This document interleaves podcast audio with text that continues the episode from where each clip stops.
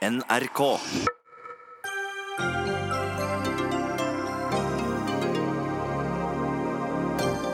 Forsøker fiskeriminister Per Sandberg å åpne for utenlandsk eierskap i norske fiskerier?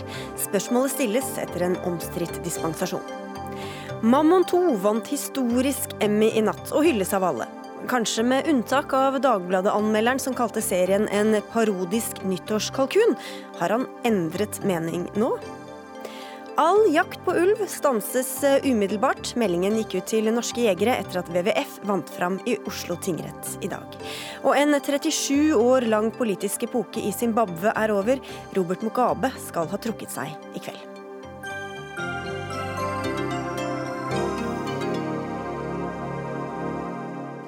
Dette er Dagsnytt 18. Programleder i dag er Sigrid Solund.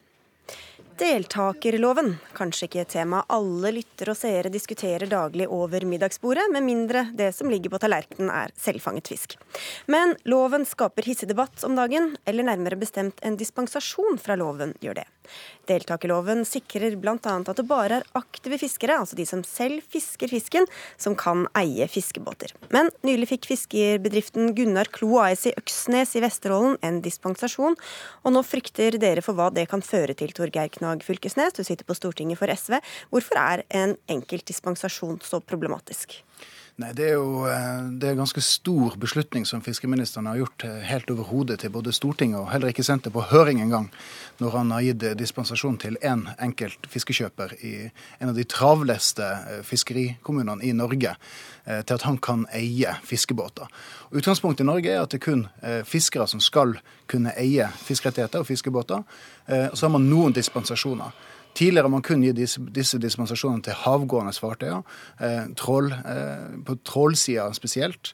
Det som gjør eh, fiskeriministeren historisk, det er at han nå åpner opp for at han skal kunne eie eh, båter langs kysten. Og dette er jo en helt det som er så spesielt her, er at det er en helt vanlig fiskekjøper i en veldig eh, travel eh, fiskerikommune.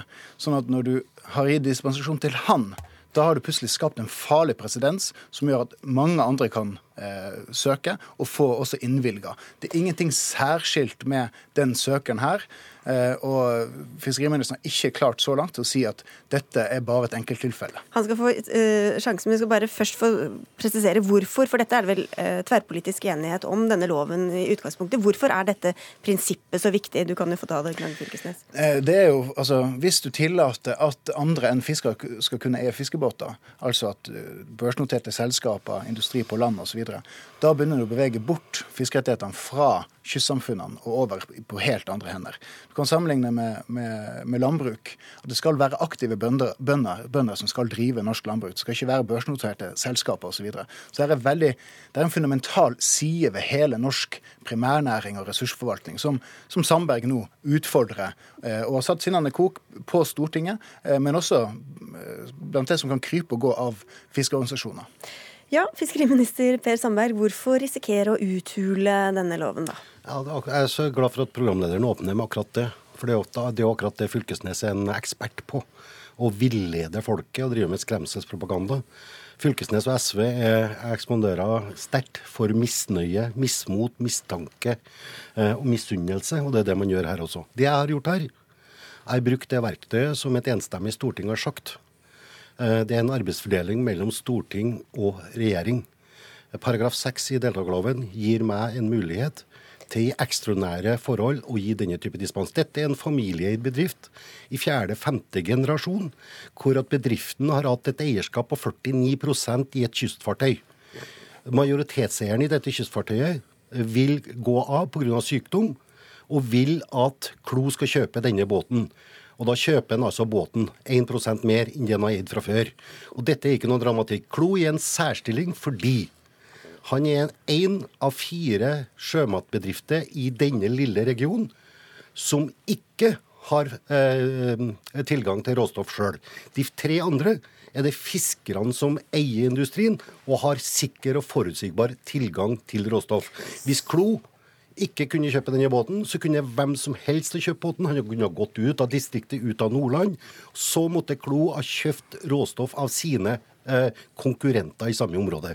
Dette er et eksempel på som de rød-grønne har brukt i en rekke rekke eh, sammenhenger, gitt flust med dispenser fra eh, paragraf 6 i, i deltakerloven.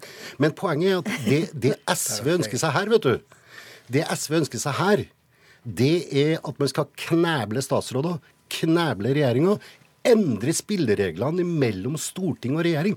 Det er det Fylkesnes jakter hele tida. For han beskylder meg også rett og slett for å ikke lytte lytte til Stortingets vilje. Men hvis, jeg gjør nettopp hvis vi bare tar utgangspunkt i dette tilfellet, Knag Fylkesnes. Det er jo et stykke fra børsnoterte utenlandske selskaper og til han eh, som har eid en familiebedrift i tre generasjoner.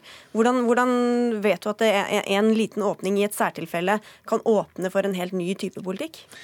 For det første så er det sånn, Når du først åpner for at han kan eh, få den dispensasjonen her, eh, så kan veldig mange andre også Nei, få den dispensasjonen. Nei, det er direkte feil. Det er skremselspropaganda. Det, det, det, er så feil feil, det du kommer med. Hva vet altså, du om det sitter skal, skal, skal, skal, tar imot disse søknadene? Hvor mange søkere kommer det, da? Skal jeg forklare hva, hva, hva som er situasjonen her? Hvor mange søkere kommer det? For det første ja. For det første så er det sånn at deltakerloven stiller veldig klare krav. Det er masse forarbeid her. Mm. De, de, særskilte eh, omstendighetene som uh, Sandberg påstår her er oppfylt, er ikke oppfylt. Mm. For det første så er hele denne her adgangen i paragraf 6 den er knyttet til havgående fartøy. Han knyttet det til kyst.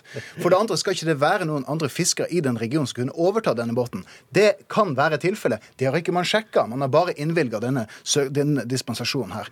Mm. Poenget her er at han misbruker det verktøyet som Stortinget har gitt han. Dette er på stikk i strid med det som det er flertall på Stortinget å gjøre. Og det er grunnen til at vi på Stortinget ikke ser annen mulighet her enn til å rett og slett begrense de fullmaktene som Per Sandberg har. Det er rett og slett han overgår demokratisk styring av fiskerifeltet. Og, og, og, nei fylkesministeren ja, fungerer som en slags borrekikador i fiskeripolitikken. Det du gjør du aksepterer ikke at SVs vilje ikke får gjennomslag. Nei. Du sitter i mindretall.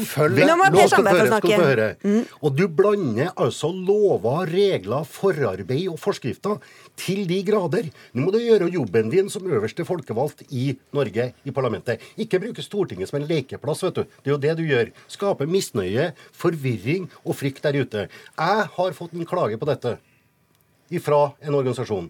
Du vet ikke resultatet av mitt svar på den klagen. Men hvorvidt at det er forarbeidene som bestemmer hvorvidt at deltakerloven åpner for om det er kyst eller hav, det vet du ingenting om. Men, vi, hvis, vi, hvis til, men hvis vi går til realitetene, Per, per Sandberg eh, Det eh, SV og for så vidt flere fiskeriorganisasjoner også frykter, er jo da en, en, en, en uthuling. Eh, hva er din plan? da? Du sa at ja. uh, Han vet ikke hvor mange dispensasjoner du kommer til å gi. Hva, hva kommer du nei, til å gjøre framover? Hver, deltakerloven er helt tydelig på det. Hver enkelt som søker, skal ha en individuell behandling. Det har Stortinget lovgiver sagt til meg, og det har jeg gjort. Dette er den første dispensen denne regjeringa har gitt i løpet av fire år. Men hvor mange flere kommer til å komme? Nei, Det vet man ikke. Jeg fikk én i forrige uke, og den sa jeg nei til. For den gikk ikke, den stilte ikke, eh, stilte ikke opp i forhold til de strenge kravene som ligger i deltakerloven. Og så, åpner man med å si, også Fylkesnes, man åpner for utenlandsk eierskap. Tøys! Tull!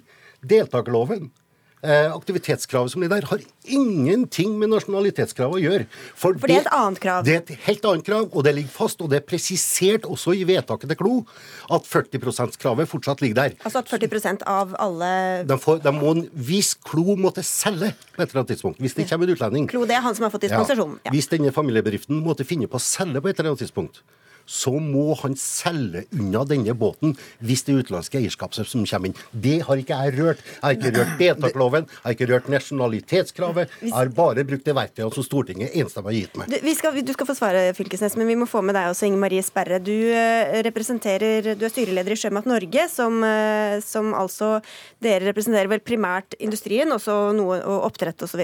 Hvordan opplever dere denne debatten, da, sett fra deres perspektiv? Det jeg har lyst til å si innledningsvis, er at Vi har heldigvis nå en fiskeriminister som har forstått at verdiskapning verdiskaping fra havet det forutsetter lønnsomme fiskeindustribedrifter. Og videre, altså, Det burde være en gledens dag på kysten når en av de mest tradisjonsrike og stabile bedriftene i Vesterålen får tilgang til råstoff. Og hele clouet her det er det at med å få tilgang til råfoss, råstoff, unnskyld, så sikrer de arbeidsplasser og verdiskapning i lokalsamfunnet. Og Det er det denne debatten burde handle om. Når vi er så Eh, privilegert at vi får tid på nasjonaldekkende radio her, så burde vi snakke om hvordan vi skal skape arbeidsplasser og skape verdier langs kysten. Og Det krever at industrien får nå tak i den, og får lov til å bearbeide den, får lov til å lage mat til den, av den og sende den ut på markedet. Og Da, da, da er på en måte ikke, da bommer vi. og Jeg blir jo veldig overrasket over at Fylkesnes da på denne måten gjør seg til talsmann for de aller sterkeste leddet i verdikjeden, nemlig fiskerne.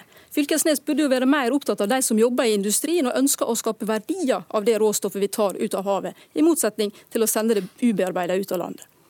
Altså, jeg har stor forståelse for Sjømat Norge sin linje i dette spørsmålet. her. De ønsker faktisk... Det er jo den faktisk... samme som Per Sandbergs linje, da. Nei, forskjellen her er at Per Sandberg ønsker å opprettholde dagens deltakerlov med aktivitetsplikt. Eh, men, men, han ønsker å dispensere seg ut av dette. her. Det som er Sjømat Norges sin innfallsvinkel, det er at man ønsker faktisk å åpne opp for at industrien skal kunne eie fiskerettigheter til havs. Altså at man skal bryte dette her opp.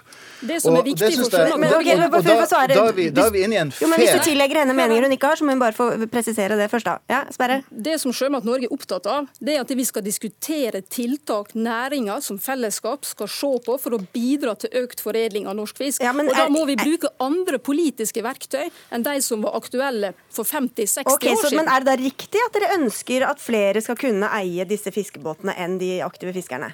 Det vi ønsker, det er at man ser på hvordan vi kan samarbeide gjennom ja verdikjeden for å legge til rette for verdiskapning. Og ja, dersom det er riktig for å skape arbeidsplasser langs kysten, så er det like så greit at okay. industrien eier kvoterettighetene, som at store rederi eier ja. kvoterettighetene. Da, tok vi ordet fra og da, og da er et ryddig forhold til Sjømat Norge. Og da er vi inne på en større prinsipiell diskusjon. Og det er jo den vi her ikke har fått presentert for Stortinget. Det er jo den diskusjonen sjømatorganisasjonene Han snikinnfører ja, okay. gjennom og Det er jo derfor Sjømat Norge her heier på han. Fordi at man nå åpner opp for en dispensasjon som er gitt i et så, i et så tilfelle som er så vanskelig å innramme.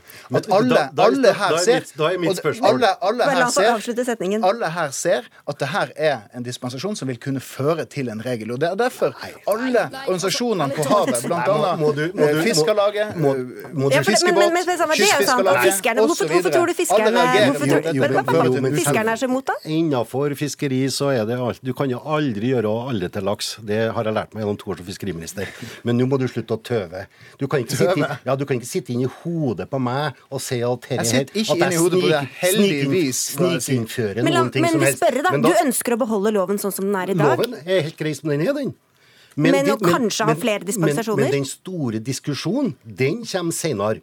Men la meg nå da, hvis det er sånn at jeg driver og snikinnfører gjennom å gi denne lille familieeide bedriften mulighet til å kjøpe et kystfartøy for å sikre seg råstoff, hvis jeg da snikinnfører noen ting som helst, hva var det da de, de rød-grønne og SV har gjort som har gitt de store denne type dispensen? En rekke dispenser, ikke bare til tilgang til råstoff og eie industri og flåte, men også oppkjøp av ulike fartøy, oppkjøp av industri opp, opp gjennom tida. Det gjorde dere når dere satt i regjering. Men når det kommer en liten kystbåt, da går liksom eh, Fylkesnes i taket, han som skal forsvare kysten. Okay. Maken til å møte seg sjøl i døra, altså. Det her er jo en klassisk snu ting helt opp, opp ned. For det første, det det slaget her står om, det er om vi fortsatt skal ha en fiskereid eh, fiskeflåte.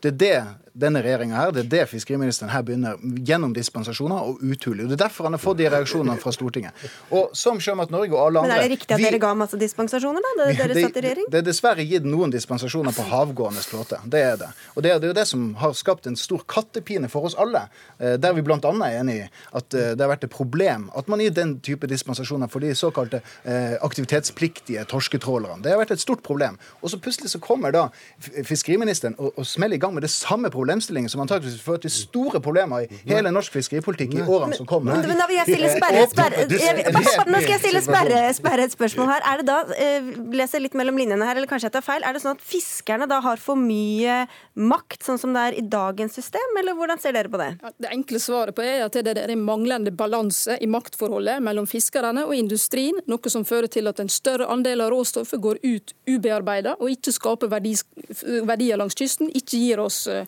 gir oss arbeidsplasser. Og det, det, som er Poenget her, det er jo at det, de politiske virkemidlene som vi har, de må tilpasses de realitetene vi lever i.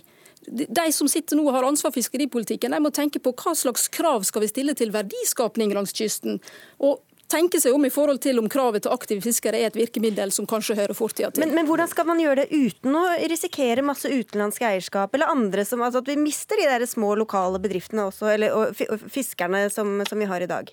Vi har utredninger fra tunge, solide juridiske miljø som sier at det nasjonalitetskravet, som, som, SV her liker å gjøre til et tema, det har ingenting med dette å gjøre. Vi har fortsatt eh, muligheter til å altså Det har ingenting med den dispensasjonen vi har fått å gjøre. Det har fortsatt mulighet til å holde på nasjonalitetskravet, selv om industrien skulle være eiere av disse båtene. Men det må da være en eierbegrensning på industrien. Det har store industribedrifter levd med godt tidligere, og er ikke noe problem.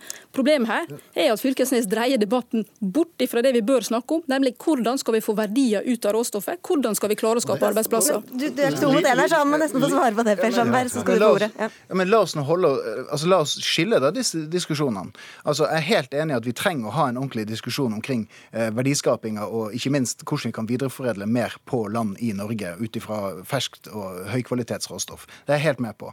Men det, vi, det som vi ser nå, det er at man benytter en dispensasjonsadgang til å skape en, en mulig presedens som vil kunne få vidtrekkende konsekvenser for hele norsk fiskeripolitikk, og, og, kaste oss inn i det, det, som kan være begynnelsen på slutten Nei. på den fiskereide fiskeflåten. Og da må det, jo, Det er det Sandberg antakeligvis enten vet Nei. eller er Da skal du få svare på det helt til slutt, Per Sandberg. Igjen, dette er bare tøv. Deltakerloven og unntaksparagraf nummer seks er så streng at dette greier ikke å skape noe presedens. Og paradokset oppi dette, da. Klo. Han har altså eid 49% av dette fartøyet i tolv år. Det har vi hørt. Det endrer nesten ingenting annet enn at fartøyet fortsetter på samme måte og sikrer da råstoff til denne bedriften, som har helårs arbeidsplasser, trygge arbeidsplasser, og det er dem Fylkesnes nå vil spille over bord og gjøre det utrygt. Vi må avslutte. Vi får bare se etter hvert hvor mange dispensasjoner som eventuelt kommer, og så får vi ønske dere tilbake da om et par måneder. Takk skal dere ha begge to, Torgeir Knag Fylkesnes fra SV, fiskeriminister Per Sandberg, og Inger Marie Sperre, som er styreleder i Sjømat Norge. Dagsnytt 18 alle hverdager kl 18.00 på NRK P2 og NRK2. Mammon 2 er blitt hyllet overalt i dag etter nattas største, store Emmy-seier i New York. TV-serien vant i kategorien beste TV-drama og ble dermed historisk som den første norskproduserte serien til å vinne en internasjonal Emmy. Så først må vi bare gratulere deg, regissør Janne Ken. Du var ja, altså ja, ja. Har det sunket inn nå? Jeg vet ikke helt. jeg. Det, det skjedde jo veldig veldig tidlig i dag. da, eh, i dag morges, så Det har vært en eh, heftig dag. Eh, så nå, jo, det begynner, det begynner å synke inn. Fortell bare kort hva slags arbeid som ligger bak en Emmy-nominasjon. Altså etter alt arbeidet med å lage serien også, for å komme dit hvor dere kom til slutt i natt. Ja, altså et, Etter å ha laget serien, så har heldigvis jeg uh, gjort mitt. Da, da, går det jo sin uh, gang inne i systemet. Det er, sånn, det er sånn jeg helst ikke vil vite, tror jeg, hvordan de lager pølser i MI-systemet. Men, men uh, det er jo det er jo, et, det er jo sånn at man blir nominert inn som Vi ble nominert inn som det europeiske bidraget. Og da har det vært et akademi som, som avstemmer, og som stemmer det fram. Og så er man da nominert for Europa, og så eh, ender man da ja. i konkurranse til slutt i verdens uh, ja. Det er en lang vei som har ført dit dere ja, kom i natt? Ja, og, og, mange mennesker selvfølgelig som, uh, som er involvert i det. Ja. det var det jeg drømte om i natt, faktisk. Huff da. Tom Statsberg, du er anmelder journalist i Dagbladet. Du skal få lov å gratulere før vi går videre. Jeg vil gratulere så veldig mye. Ja, men, men så, så, må vi skru klokka et par år tilbake. For da skrev du en anmeldelse av Mammon 2. Kan du ikke lese bitte litt av hva du skrev? Ok, Tittelen var 'Mammon 2' er en parodisk nyttårskalkun. Det er journalisten selv som leser. 30.12.2015 sto den på trykk. Hvis du vil se en serie i åtte episoder der alle sammen er forbannet på alt og alle, og like kjeppe hele tiden, ja, da er Mammon 2 midt i blinken for deg. Og vil bruke tid på en serie som benytter seg av absolutt alle klisjeer som noensinne er påtenkt eller misbrukt i tidligere amerikanske og diverse nordiske krimserier og filmer, ja, da er denne gravalvorlige krimserien, som glir over i den reneste parodi, midt i blinken for deg. Uff da. Uff da. Men, men, nå vant de altså Emmy. Ja. Angrer du litt? Nei. Det er ingen fasit på anmelderi. Det hadde vært veldig Nå var det veldig mange som likte serien. Eh, jeg var vel en av de som tok i hardest. Ja, Du ga terningkast to? Ja. Så nei, jeg kan ikke angre på det. Jeg angrer kanskje på at jeg satt terningkast to og ikke én. Uff da, Jan Inge. Husker du dette? Var det bare en vond anmeldelse Det. Altså, jeg må si at eh, jeg tror Jeg er sånn at Eh, kritikere kritikk Altså, jeg leser jo ikke så mye kritikk. Jeg, jeg gjør ikke det. altså Jeg skummer kanskje gjennom det. det jeg tør å påstå at ikke det biter så veldig på. Mm. Eh, og at det derfor ikke var sånn at jeg ble, gikk, i, gikk helt i kjelleren der. Altså. Det var én anmeldelse mange, ja, og NRK var veldig flinke til å utnytte det maksimalt. fordi at da hadde de en, det, er klassisk. Du har de gode, og så har du en ond. Ja, men La oss gå til de gode, da. Ja. Det var jo blant, blant andre deg, Torstein Vattum. Du anmeldte Mammon 2 for Aftenposten og ga terningkast seks. Jeg vet ikke om du også vil sitere deg selv fra den gangen? Ja, jeg kan, jeg kan uh, ta noen linjer. Den indre maktkampen i regjeringsapparatet er effektivt iscenesatt med alle TV-dramaets knep og virkemidler. Norsk TV-drama er ofte, og med rette, blitt beskyldt for stive replikkvekslinger, liten intensitet og uengasjerende plott. Denne gang er svakhetene så godt som borte, og da med, med tanke på sesong én. Og da viser det at du hadde rett, eller? Mm, som Tom sier, det fins ikke noe fasit her, men jeg konstaterer at jeg traff ganske bra. Og hvis eh, Emmy er målestokken, så er jeg veldig bekvem med det. Du, sa, du var inne på det. Klisjeer. Am amerikanisert, sier du. Hvordan Ja, jeg synes jo, på en måte, jeg tror nominasjonskomiteen har lest min anmeldelse. Ja, fordi at her står jo det er en god søknad, for dette er veldig for det amerikanske markedet. Men det er jo ikke noe sånn altså, Om du vinner i USA Det er mange som har vunnet der de siste åra og blitt nominert. Vi har jo en president som vant også. Det er ikke dermed sagt det er kvalitet. Men vi, vi må, Dette er en gledens dag for mammaen to. Altså. Nei, dette, dette, tåler vi. Altså, det, altså det, det, er jo sånn Jeg tror det, tror det er inne på noe der at det handler jo om at uh, dette var et prosjekt som helt fra starten av, med serieskaperne med Vegard og Gjermund, uh, de, de de ønsket å lage en, en amerikansk uh, underholdningsserie, altså basert på det som, som, de har sett opp til der. Mm. Uh, og, uh, og, det er det vi har lykkes med.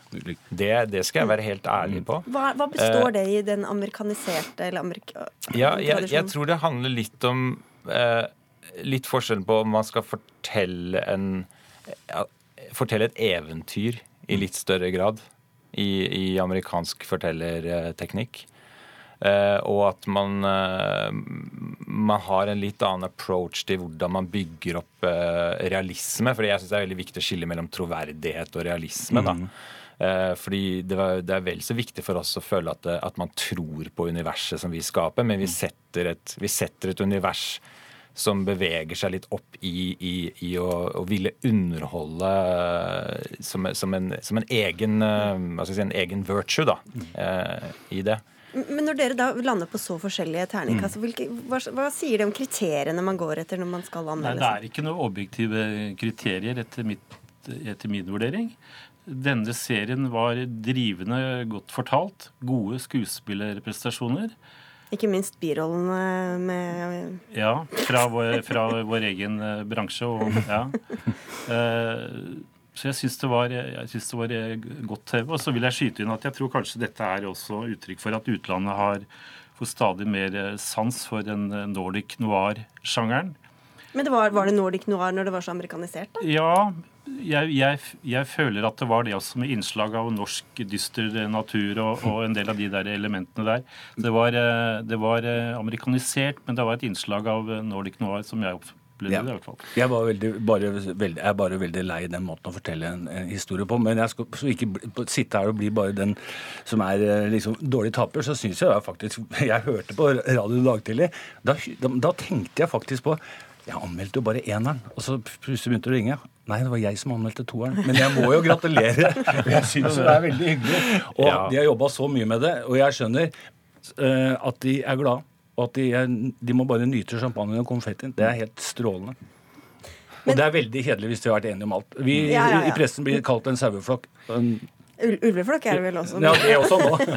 ja, det, det, vil jeg altså si som, altså, sånn, for å representere skaperne på den andre siden. Da. Mm. at uh, jeg, jeg syns det er viktig med den symbiosen vi har, da, med, med, at vi har kritikere, og vi skal tåle, vi skal tåle det. Og, og, og det er viktig for oss, for, for vi skal Vi skal kjenne litt på det. Ja, altså, jeg har jo Eh, sett nå også at det, vi- det, vi- i aviser og media vi krit- har, det, er- det er færre anmeld, eh, anmeldelser enn før, og jeg syns det er ganske viktig at vi tar tak i det. Ja, det, det er jeg helt enig i. Jeg, jeg syns ikke det er bra i det hele tatt. Og det, det er noe med å liksom skremme, skremme kritikere til taushet. Det, er- det er også en litt sånn farlig, det er litt farlig tankegang. Ja, det er kanskje ikke så heldig. Men Vattum, hvordan syns du at norske anmeldere generelt har forholdt seg til norsk drama?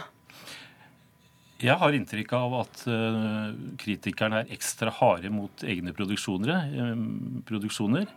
Vi har lettere for å sverme for eh, utenlandsk TV-drama, har jeg inntrykk av. Vi tar oss selv hardere enn det kanskje alltid er belegg for. Fordi vi har vant til de klisjeene om at vi, vi klarer ikke å få replikkvekslingen til å gå, det blir for lite driv. Og det, da, da er det lett å være negativ. Og ofte berettiget, men ikke alltid. Jeg syns Nobel og Øyenvitne, Annika von der Lippe som fikk en Emmy-pris for det, eh, Monster, eh, som jeg har sett på som en norsk utgave av Fargo, er, super, er superbra. Det lages veldig mye bra. Eh, men nå anmelder ikke jeg mer, da. Jeg fikk jo ikke lov. Nei da. Ikke etter den slakten.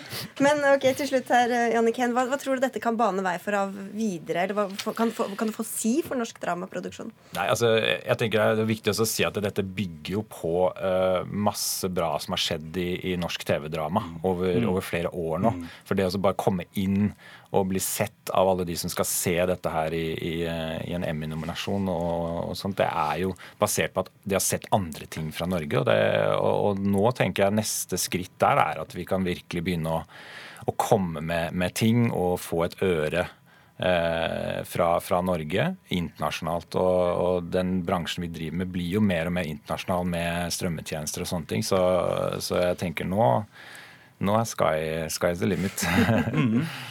Ja, altså burde de, Kanskje de burde ta tilbake en og lage en ny versjon av 'Snømannen' også, for den ble jo katastrofalt dårlig, for den ble amerikanisert. Få den hjem. Der har du Ja, det- det er en Eller inn til diskusjon, Torstein ja. Så kan du gi en sekser. Vel, Tom, du er jo glad for amerikanske impulser, du da? Ja, i poesi og musikk. Ok, dette var en veldig gemyttlig runde til Dagsnytt 18 å være. Vi sier gratulerer igjen til Mamma. Vi skal ut og 2. slåss nå. Vi skal ut og slåss. Ut og slåss.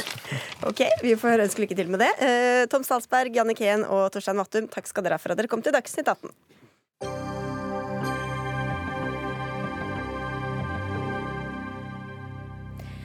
Han er blitt kalt en av Afrikas verste diktatorer. Og nå tyder alt på at tida som president i Zimbabwe er over for Robert Mugabe.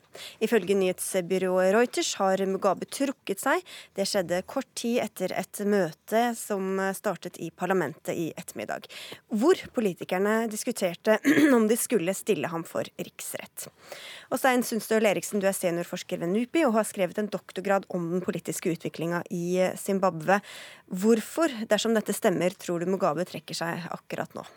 Det er fordi han innser at han ikke hadde noe valg. Hvis han ikke hadde trukket seg frivillig, så hadde han blitt stilt for riksrett, og det hadde endt med at han hadde blitt kasta uansett. Så her har han innsett at det ikke var noen vei tilbake. Men denne riksrettssaken betyr at den er lagt død med dette, hvis han nå faktisk har trukket seg? Ja, det vil det bety. Det er ikke noe grunnlag for å stille han for riksrett hvis han allerede har trukket seg. Mm. Hvorfor eh, denne riksrettssak- riksrettssaken, og hvorfor, dette, hvorfor er han så forhatt av så mange Mugabe?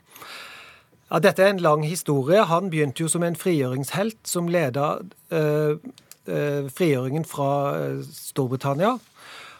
Og var veldig populær de første åra. Men særlig de, fra slutten av 90-tallet så har det vært en katastrofal økonomisk utvikling i landet, samtidig som regimet har blitt mer og mer autoritært. Så eh, Mugabes popularitet har blitt gradvis eh, undergravd. Anne Hellum, du er professor i offentlig rett ved Universitetet i Oslo og gjesteforeleser ved Universitetet i Harare. Militæret satte altså Mugabe i husarrest i forrige uke, men ville ikke kalle det et kupp. Men var det det? Ja, det er klart det var et kupp. Eh, Det var eh, militæret som eh, anholdt eh, flere medlemmer av eh, regjeringen og tok kontrollen med mediene og, og, og. Så, videre. Eh, så det hadde alle tegn på et kupp. Men uh, dette kuppet var jo ikke noe nytt. Altså Man kan si at Zimbabwe uh, har vært et militærregime siden rundt 2000, da Mugabe og hans parti uh, tapte folkeavstemningen om den nye eh, grunnloven, hvor folket sa nei til fortsatt eh, Mugabe-styre. Og Siden det så har det jo ikke vært frivalg. og, og i 2008, eh, da Shanghai og MDC vant eh, valget, opposisjonen. opposisjonen vant valget, eh, så grep jo også det militære inn. Og det, var, og, og det var, massiv vold uh, i forbindelse med annen, gangs, uh, annen omgang i presidentvalget. Og uh, slik at Morgan Shangri måtte trekke seg. Og, så det var militæret som hele tiden trakk i trådene og ønsket da at Mugabe skulle fortsette, selv om de tapte valget. Mm. Hva er sannsynlig neste skritt nå, da? Nei, nå har det blitt annonsert at Emerson Nangagwa, som er tidligere visepresident, som fikk sparken av Mugabe for to uker siden, at han vil bli innsatt som president i løpet av få dager. Og han eh, kommer fra Mugabes innerste krets og representerer ikke noen politisk forandring. Tvert imot så er dette den gamle elitens forsøk på å opprettholde det bestående regimet, men med en ny mann i eh, ledelsen. Men, men, hva tjener de på å kvitte seg med Mugabe, men beholde regimet på en måte, altså, ja, det, Når det ikke blir noen endring? Nei, problemet nå er jo at eh, statskassen er tom. Økonomien er i fritt fall. Landet er anses som et av verdens mest mislykte stater. Det er ikke demokrati der, slik at de mottar stort sett ikke ikke bistand. Det er mangel på, på økonomiske investeringer. Eh, så det er klart landet trenger en, eh, en demokrat... Det, det, trenger å endre i hvert fall eh, styresett, i hvert fall formelt, mm. for å få mer legitimitet. Og Det er også derfor altså, at man har unngått konseptet kupp når det gjelder å betegne den prosessen som nå pågår. Hvis du ser på uttalelser fra Den afrikanske union eller SADC, altså SADC-landene, Sør-Afrika og de andre landene, deres økonomiske union, så sier, sier de at de, de har overhodet ikke kalt dette et kupp. De bare sier at de er urolige over utviklingen, men håper at at hele, det vil skje en fredelig overgang i konstitusjonelle former, slik at de er helt avhengig av en demokratisk Eh, ansiktsløftning mm. for å oppnå politisk og økonomisk anerkjennelse og komme videre. For nå er det liksom Landet er ikke til å leve i pga. den økonomiske situasjonen. Nei, og, nå, og nå det, feirer folk i Zimbabwe, men hva får det egentlig å si for dem, eh, innbyggerne, at det nå skjer dette kosmetiske eh, maktskiftet, da? Det er ikke så godt å si. Eh, dersom det avhenger litt av hvilken vei den politiske utviklingen går. Altså, det meste tyder på at dette er et oppgjør mellom to fraksjoner innen SANU PF, hvor fraksjonen rundt Emerson Gagwa har vunnet og vil fortsette styret. Eh, og eh, det er ikke så mye som tyder på at man vil trekke de sivile eller, eller opposisjonen inn i en nasjonal Eh, samlingsregjering. Og det er, også, eh, er vel også nokså klart at de vil sette sine politiske motstandere eh, under rettsforfølgelse, mens de selv, som har vært deltakende i alle disse menneskerettighetsbruddene siden 2000 og utover, da vil gå fri og vil bli sittende med statsmakten. Mm. For, dere beskrev det så vidt. Enorm fattigdom, eh, ekstrem arbeidsledighet. Hva slags vilkår, hva slags forhold lever folk i Zimbabwe under, egentlig? Er det du som vil Ja, ja det kan jeg godt si. Ja, det er også Altså, økonomien er i i fritt eh, fall. Statskassen er eh, tom, slik at alle offentlige tjenesteytelser de er jo selv eh, Hva skal man si? De er, de, de er, avhengig av at folk betaler. Når du skal på sykehuset, så må du ha med, hvor det for øvrig stort sett ikke er medisiner eller, eller kompetente leger, så må du selv, selv, ha med både medisin og vann osv., og, så videre, og du må betale.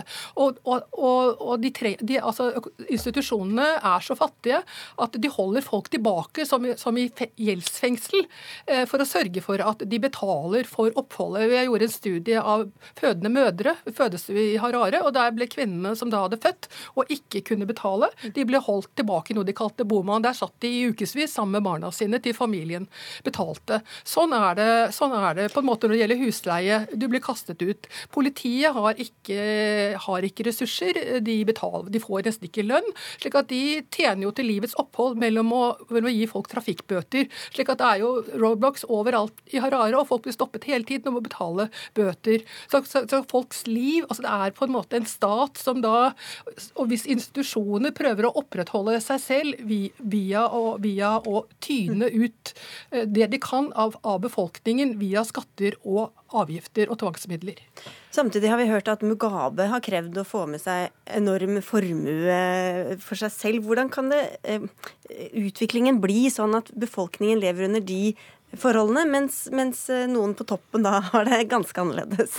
Det har jo det er et resultat av at makta har vært konsentrert i en elite spesielt knytta til partiet, men også til militæret. Så det regimet som har styrt eh, Zimbabwe helt siden uavhengig, det har vært basert på partiapparatet og på militærets makt.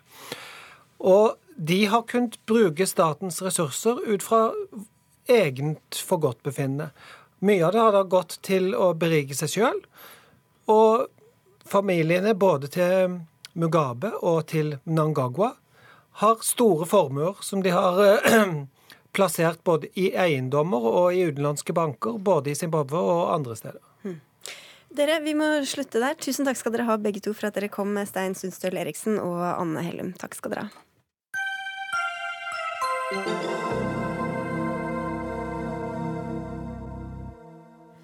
Regjeringspartiene, Venstre og KrF forhandler på overtid for å bli enige om statsbudsjettet etter at de ikke klarte å holde sin egen selvpålagte tidsfrist i går. Et av temaene de synes vanskeligst å bli enige om, er lærernorm. I morges kunne vi høre i Dagsnytt at KS, kommunenes interesseorganisasjon, advarte mot å gå inn for et minstekrav om antallet lærere per elev. Og dette fyrte opp deg, Steffen Handal, du er leder i Utdanningsforbundet. Hvorfor ble du så irritert over frokosten?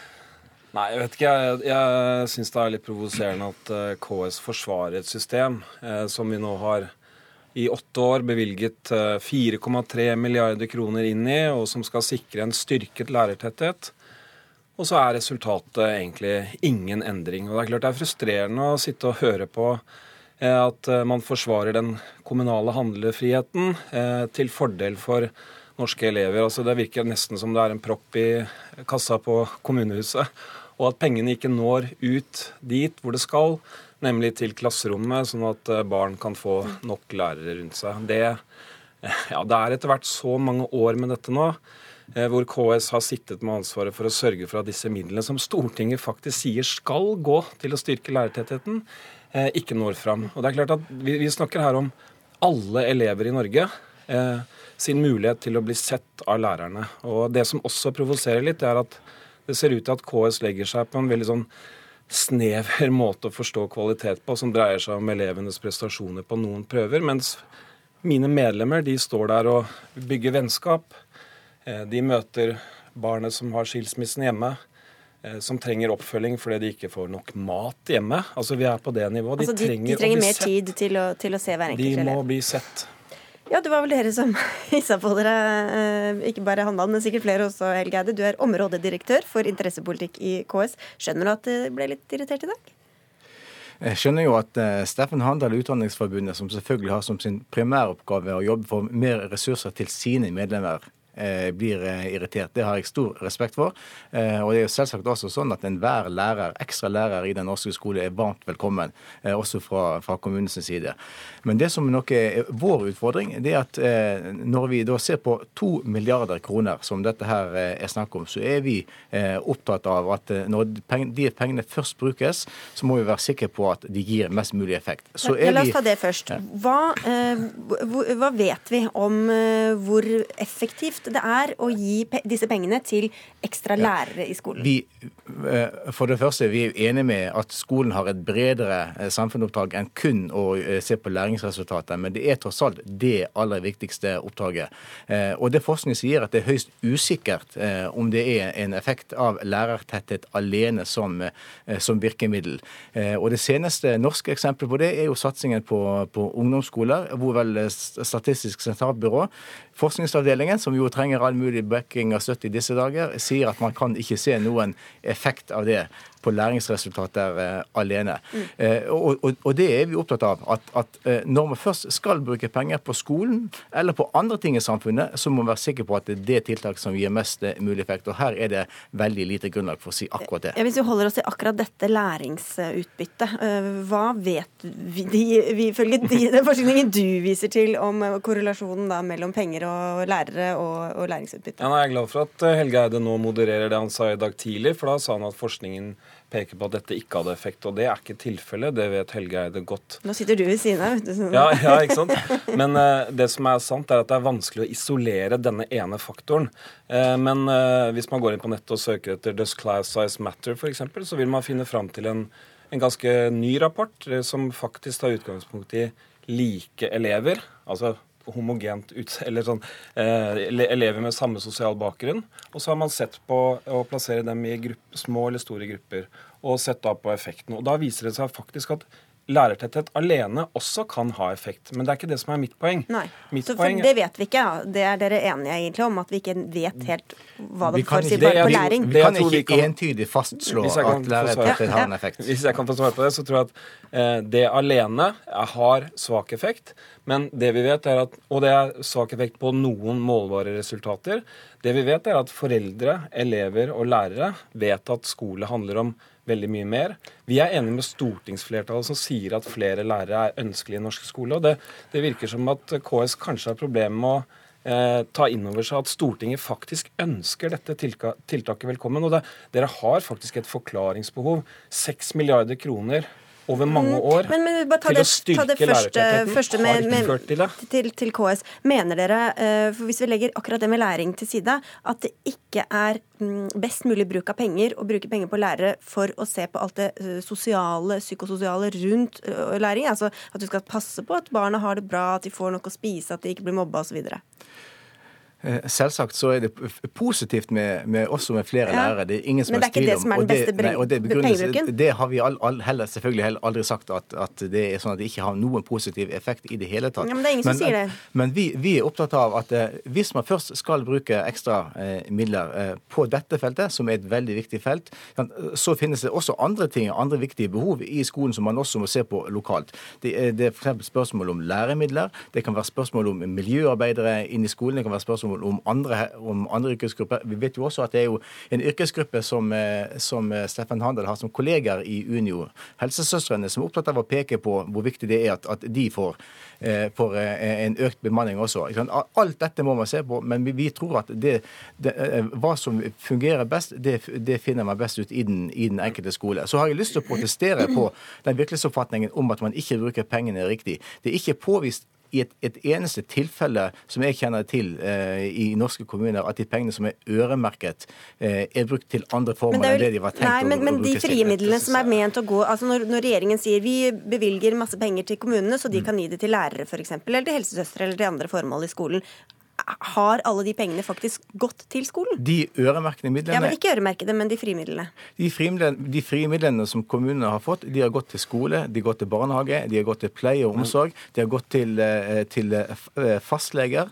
De har gått til alle de brede behovene som kommunene har, har, har, ansvar for. Og Det er nok utfordringen også her, sånn som vi ser det. Vi er engstelige for at når det sies at det kommer mer penger, så kan nok det stemme til dette formålet. Men så blir konsekvensen at det blir trukket andre steder, sånn som vi f.eks. ser nå. som ligger i Stortinget på, på, på barnehagesiden. Hvor så når dere får mer penger så må dere, til skole, så må så, dere kanskje bruke det på andre ting? Når, vi, når det kommer øremerkede midler til skole, ja, så, så, brukes, så, brukes penger til skole. Rest, ja, resten av de frie midlene de gis som en samlet pott til kommunene for at de skal bruke det på skole, på barnehage, på pleie og omsorg, på barnevern, ja, på gang- og sykkelveier. Det, er jo litt flere hensyn å ta enn en, en, en det dere har, eh, Handal.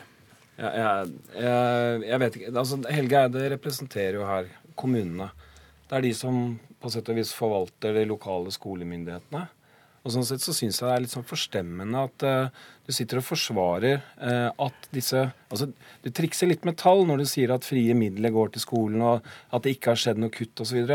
Det er faktisk 6 milliarder som ikke har ført til styrket lærertetthet. Og tilbake så sitter altså norske barn og elever i uh, akkurat like store grupper som de gjorde, til dels større. Og jeg synes at det er, det er rett og slett trist at vi må ha denne diskusjonen. Hvis, hvis dette tiltaket hadde vært innført for mange år siden, så hadde dette tiltaket vært billigere. Det er det som er sannheten. Hvis vi hadde øremerket disse midlene tidligere, med en norm i tillegg, sånn at vi sikret at midlene kom helt frem, så kunne skolene brukt disse ressursene til de tiltakene som vi mener er det beste. Elever, foreldre, lærere, et flertall på Stortinget er enige om vi trenger flere lærere. Det ser ikke ut til at dere ønsker det. Altså, eh, Statistikk viser at det er 1000 flere lærerårsverk eh, i år enn hva det var for eh, to år siden, i første til, til fjerde klasse. Det har aldri men det er også mange flere elever. Det, har, det, er, det er riktig, det er riktig. Vi betviler ikke det, men vi sier at de pengene som er blitt bevilget, de er, de, de er blitt brukt til det, til det formålet. Så skulle jeg nok men ønske så skulle, jeg, så skulle jeg nok ønske at, at, at Steffen Handal eh, og Utdanningsforbundet også var opptatt av innbyggernes eh, beste. Av, av, av muligheten til, til også å prioritere prioritere gamle og syke ja, men, men i, i kommunen til, til barnevernet. Okay, men, et, men det, er, det, hører vi ingenting om fra, fra, hvis, fra Hvis Stortinget har sagt at de ønsker å bedre lærertettheten, har dere fulgt det i kommunen og brukt penger til å gjøre og gi flere lærere per elev? Svaret på det er jo nei. Hva han jeg spurte da. Okay, Svar, svaret er at det er 986 flere lærere ja, men, nei, men per elev? Per elev så har gruppestørrelsen i 1. til 4. klasse marginalt gått ned. Vi er nok enige om den virkelighetsbeskrivelsen. Eh, okay, så det er ikke blitt flere lærere per elev? At det er flere lærerårsverk, men det er også flere elever eh, i 2017 enn det var 2015. Men, men bevilgningene har også økt til andre former enn akkurat ja, lærertetthet, og det er viktig å få Hvordan vet du, Handal, at det er penger til Jeg skjønner jo at dere lærere ser jo de behovene dere har. Men hvordan vet Elevene også. Jeg vil bare ja, ja. minne om det. At ja, de er like opptatt av dette som oss. Men hvordan vet du at, uh, at det er den absolutt beste pengebruken i enhver situasjon? Så når du låser pengene til på den måten som dere ønsker, ikke kan i stedet gi det kanskje til noen som har ekstra utfordringer på helsesøstersiden eller på andre sider, uh, andre trengende, også til de samme barna i de samme kommunene? Jeg mener ikke det. Jeg mener at vi trenger et, et, dette er et minstenorm, altså et gulv for ressurstildeling til alle skoler. I tillegg til det så er vi nødt til å sikre helsesøstre. Vi er nødt til å satse på Det er en begrenset pott som, skal, ja, som, er der ute. Jeg er enig i det, men problemet er, nå er at vi bruker mer penger enn det vi faktisk trenger. Og det er fordi at disse pengene forsvinner på veien. De blir brukt til andre formål enn det som Stortinget har sagt vi skal Nei, det tror jeg egentlig du må spørre Helge Eide om. Men eh, det har i hvert fall ikke gått til å styrke lærertettheten, som var formålet Eh, da Stortinget bevilget den første milliarden, den andre og de seks neste. Altså Det er, det er eh, her spørsmålet om å etterleve det som er Stortingets vilje. Det er det ene. Og eh, jeg vil bare minne Helge Eide på at det er vi som står med skoene på. Det er elever. Det er foreldre og det er lærere. Det er vi som står bak dette kravet. Og vi er glad for at det ser ut som at flere og flere partier skjønner at skal vi treffe de elevene som har det vanskeligst, de som faktisk trenger mest oppfølging, så er det gjennom dette tiltaket. Det viser også jo, forskning at når, du, okay, når du prioriterer lærertetthet, så er det de svakeste gruppene du, som, du ikke, faktisk Du står ikke med skoene på når det gjelder sykehjemmene i kommunene, når, det gjelder hjemmetjenesten i kommunene, når det gjelder barnevernet i kommunene, når det gjelder sikringen, sikringen av trygge gang- og skoleveier for elevene dine. Da står du ikke med, med skoene på. Men, men, det, men, det, gjør kommunene. Det, det gjør kommunepolitikerne. så de følger ikke det Stortinget har sagt, er det du sier, Handal? Kommunene gjør ikke det Stortinget har sagt? og bruker ikke pengene på det de har sagt Stortinget at de skal bruke penger på? Stortinget har de siste åtte årene bevilget 4,3 millioner for å styrke lærertettheten. Resultatet er null hvis du ser på hele grunnskolen. Men igjen så er det en påstand som ikke eh, eh har faktabelegg. Er du uenig i det? For, fordi det finnes ingen tilsyn som jeg kjenner med, som har påpekt at, at, penger som er gitt til dette formålet, ikke er brukt konkret til å ansette lærere. Det er poenget. Så har kommunen brukt, brukt sin frihet, som Stortinget også er veldig enig i at kommunen skulle ha, til å bruke den samlede pengepotten som de forvalter på vegne av fellesskapet, til best mulig tilbud til alle innbyggerne. Den tilliten er jeg sikker på er brukt best mulig i alle norske ja, for Da skal jeg avslutte med det, Steffen Handal. For dere ønsker som lærere å få tillit og få, kunne, kunne prioritere i deres hverdag. Hvorfor ikke gi kommunene den samme tilliten? Muligheten til å prioritere blant sine trengende formål, sånn som dere ber om? Vi har jo, Problemet er at vi har gjort det nå i mange år. Og hvis du faktisk skal måle resultater, da, så, så, har jo kommunene et ansvar for å vise frem hvordan de har brukt disse midlene. Og de er ikke brukt til formålet. Og det, det, er jo ikke, altså det er jo ikke et ensidig problem for Utdanningsforbundet. Det er det jeg forsøker å si. Det er de aller svakeste elevene som taper mest på dette. Og det er de aller svakeste elevene, særlig i de store gruppene. Dette er et veldig målrettet tiltak, fordi det treffer de skolene som allerede i dag har for store klasser. Og jeg hadde lyst til å si til foreldre, bare tenk dere, hvis dere kunne velge ville dere hatt sønnen eller datteren deres i en klasse på 30 eller 20 elever? Ja, Vi får se hva eh, disse budsjettforhandlingene kommer fram til. Om de lytter til eh, KS eller om de lytter til Utdanningsforbundet. Så får vi takke i, i denne omgang for at dere kom til Dagsnytt 18. Hør Dagsnytt 18 når du vil. Radio NRK Radio.nrk.no.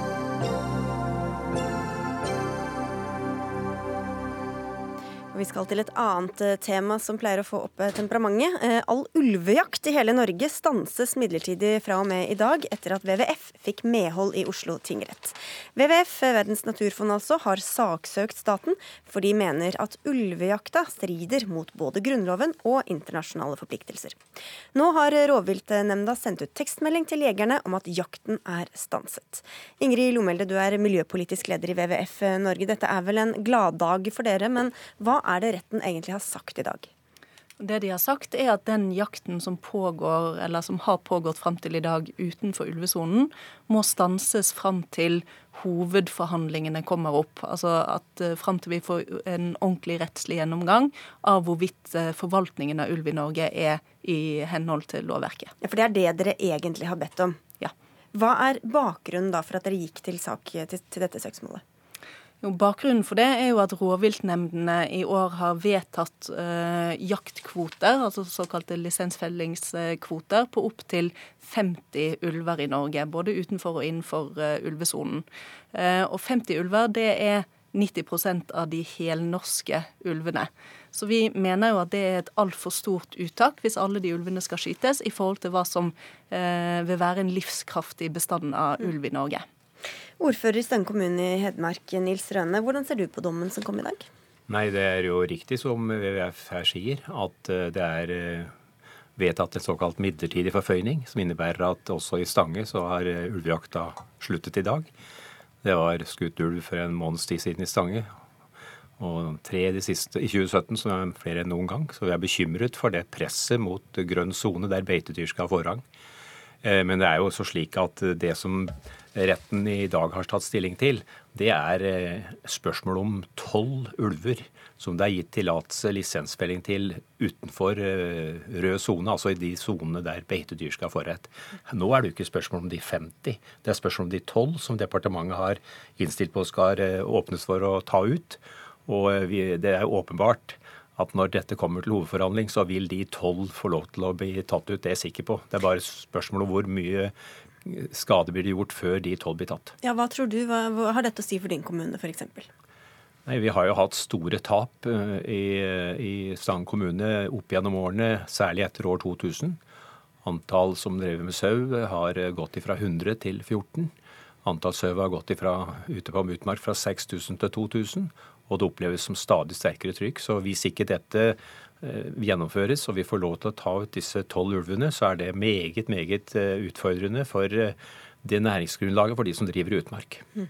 Hva, tror, hva mener du det har å si at det nå stanses midlertidig? Hvor betydningsfullt er det? Det som er viktig for oss, er jo at, at, alle disse jaktvedtakene i Norge etter hvert blir sett i sammenheng, istedenfor at vi får Eh, kvotevedtak i hver sone for seg uten at man ser på hvordan det påvirker hele bestanden. Så er det sånn at ulven er en kritisk truet dyreart i Norge som er på randen av å dø ut. Og derfor er det viktig at eh, selv om disse tolv ulvene på kvoten utenfor, så er det viktig at de blir sett i sammenheng med de andre jaktvedtakene. Fordi at sånn som det er i dag, så er total andel av jaktvedtak er det som gjør at vi får et altfor stort press på Eh, på ulvestammen. Men, mm. men, i rettsdokumentet i dag så er det jo strid rundt hvorvidt dette vil medføre en så stor belastning at man truer selve bestanden. Og bestandsmål Det har alltid undret meg at bestandsmål ikke diskuteres samtidig med hvilken geografi prater vi om. Og tolv ulver av en skandinavisk stamme på 430, det kan ikke være noen trussel. Men dette er vel også stridens kjerne. Han snakker om skandinavisk stamme, og du snakker om norsk ulvebestand. Ja. Hva er det, hvorfor teller man så forskjellig? Jo, det er jo sånn at Norge i henhold til både Bernkonvensjonen og naturmangfoldloven, så har vi ansvar for å ta vare på en livskraftig bestand av ulv i Norge. Og det er klart at Vi er nødt til å ta vare på artene som lever innenfor vår egen geografi. I Norge så er ulven definert som kritisk truet og nær utdødd på rødlisten. Mens hvis du ser på hele den skandinaviske bestanden, altså hvis du teller med bestanden i Sverige f.eks., så er det flere ulver. Men det kan jo ikke være sånn at hvorvidt Norge skal ta vare på kritisk truede dyrearter, må avhenge av hvilken politikk som føres i Sverige. Det er helt klart at vi er nødt til å føre en eh, bærekraftig eh, politikk for kritisk truede dyrearter i Norge dersom eh, man skulle komme i den helt uholdbare situasjonen at eh, WWF ville få medhold i selve saken, så vil det utfordre sonepolitikken i Norge på en slik måte at jeg tror at da vil en diskusjon rundt en skandinavisk forvaltning tvinge seg fram. Man har jo forsøkt tidligere å få en felles forvaltning med Sverige, og ikke lykkes med det. og Det håper jeg at regjeringen setter stort trykk på for å prøve å få til. Men jeg er enig i at Bernkonvensjonen legger et ansvar på Norge som land.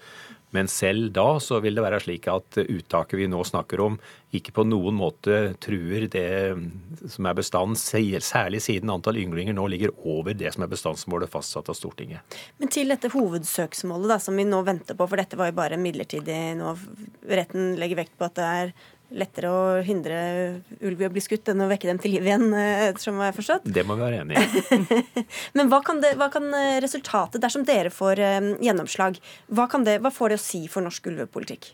Forhåpentligvis så vil jo det eh, gi oss en ordentlig gjennomgang av selve grunnlaget for rovviltforvaltning i Norge. Det er jo ikke sånn at Vi er jo også for å ha en sonepolitikk. Eh, det vi er, eh, prøver å få retten til å gjøre en vurdering av, er hvordan den politikken praktiseres. For i dag så er det jo sånn at kvotene, jaktkvotene som settes av rovviltnemndene, de gjør at absolutt alle ulver som beveger seg utenfor ulvesonen, kan bli skutt. Og det er jo eh, ikke holdbart for en kritisk truet bestand, selv om vi også er enig i at eh, beitenæringen skal ha forrang foran ulv. Og så er det også sånn at Innenfor ulvesonen så er det vedtatt å, å, skyte tre flokker. Eh, så hvis man da både øker andelen ulver man skyter innenfor sonen, og skyter alle ulver utenfor sonen, så er jo ikke det en balansert politikk eh, som tar hensyn til økosystemer, sånn som vi er forpliktet til. Og en mer helhetlig um, syn på det og en, en, gjennomgang av regelverket og lovverket, det, er, er, det negativt? Ja, nei, det er ikke negativt. Men etter min oppfatning så er det et faktum at eh, sonepolitikken slik den eksisterer i dag, egentlig ikke har vært prøvd eh, fullt ut. Fordi man hele tiden nettopp får disse vedtakene som vi har fått i dag, som gjør at man ikke får anledning til å forvalte uh, ulvestammen i grønn og rød sone slik sonepolitikken forutsetter. Det er problemet. Så du er redd for at hvis de vinner fram, så vil det bli mindre, lagt, lagt mindre vekt på lokale forhold? Ja, Hvis de vinner fram, så vil sonepolitikken slik jeg vurderer i Norge være død. Ja, Sonepolitikken, det er ikke alle som har den helt nei, under huden? Nei, det betyr jo at uh, iallfall i vårt område så er det slik at du har noe vi kaller rød sone. Der skal ulven ha forrang foran beitedyr, for å si det enkelt. Mm. Det er alle områder i Hedmark øst for Glomma. Hvis du kommer vest for Glomma, så vil i hovedsak det være grønnsone, som innebærer at beitedyr skal overfor. Så da vil alt bli ulvesone? Da er det det du frykter? Ja, det er jo det mange sier, at hvis vi ikke har dette grensa, så vil alt bli ulvesone. Mm. Men det kan jo ikke være sånn at det skal være eh, sånn at ulven skal ha eh, forrang innenfor ulvesonen bare til en viss grad, og så skal sauene ha 100% forrang utenfor ulvesonen. Vi må jo kunne klare å finne en måte å leve med Eh, en viss, eh, viss, andel ulv også utenfor ulvesonen, hvis vi skal klare å ivareta ulvebestanden i Norge, som nå altså er på randen til å dø ut. Men ulven har ikke forrang 100% i rødsone heller. Hvis det er skadedyr som truer mennesker og nærmiljø, så er det òg mulighet til å få felling. Ja, Det kan dere gjøre nå også med den midlertidige Det kan man. Ja, så da, hvis noen er ute på tokt, så kan man skyte det. Det vi prøver å få fram, er jo at det må være en mer balanse i dette. fordi sånn som rovviltnemndene legger opp til det nå, så er det altså 100 av eh, ulvene utenfor sonen som eh, skal skytes. Mens vi mener at rovviltnemndene fungerer som de skal. Ok, Da fikk vi eh, avslutta med det. Vi får vente og se hva retten kommer fram til til slutt. Takk skal dere ha, Ingrid Lommelde og Nils Røne. Dagsnytt 18 er over for i dag. Arnhild Myklebust, Erik Sandbråten og Sigrid Solund takker for følget og ønsker en god kveld videre.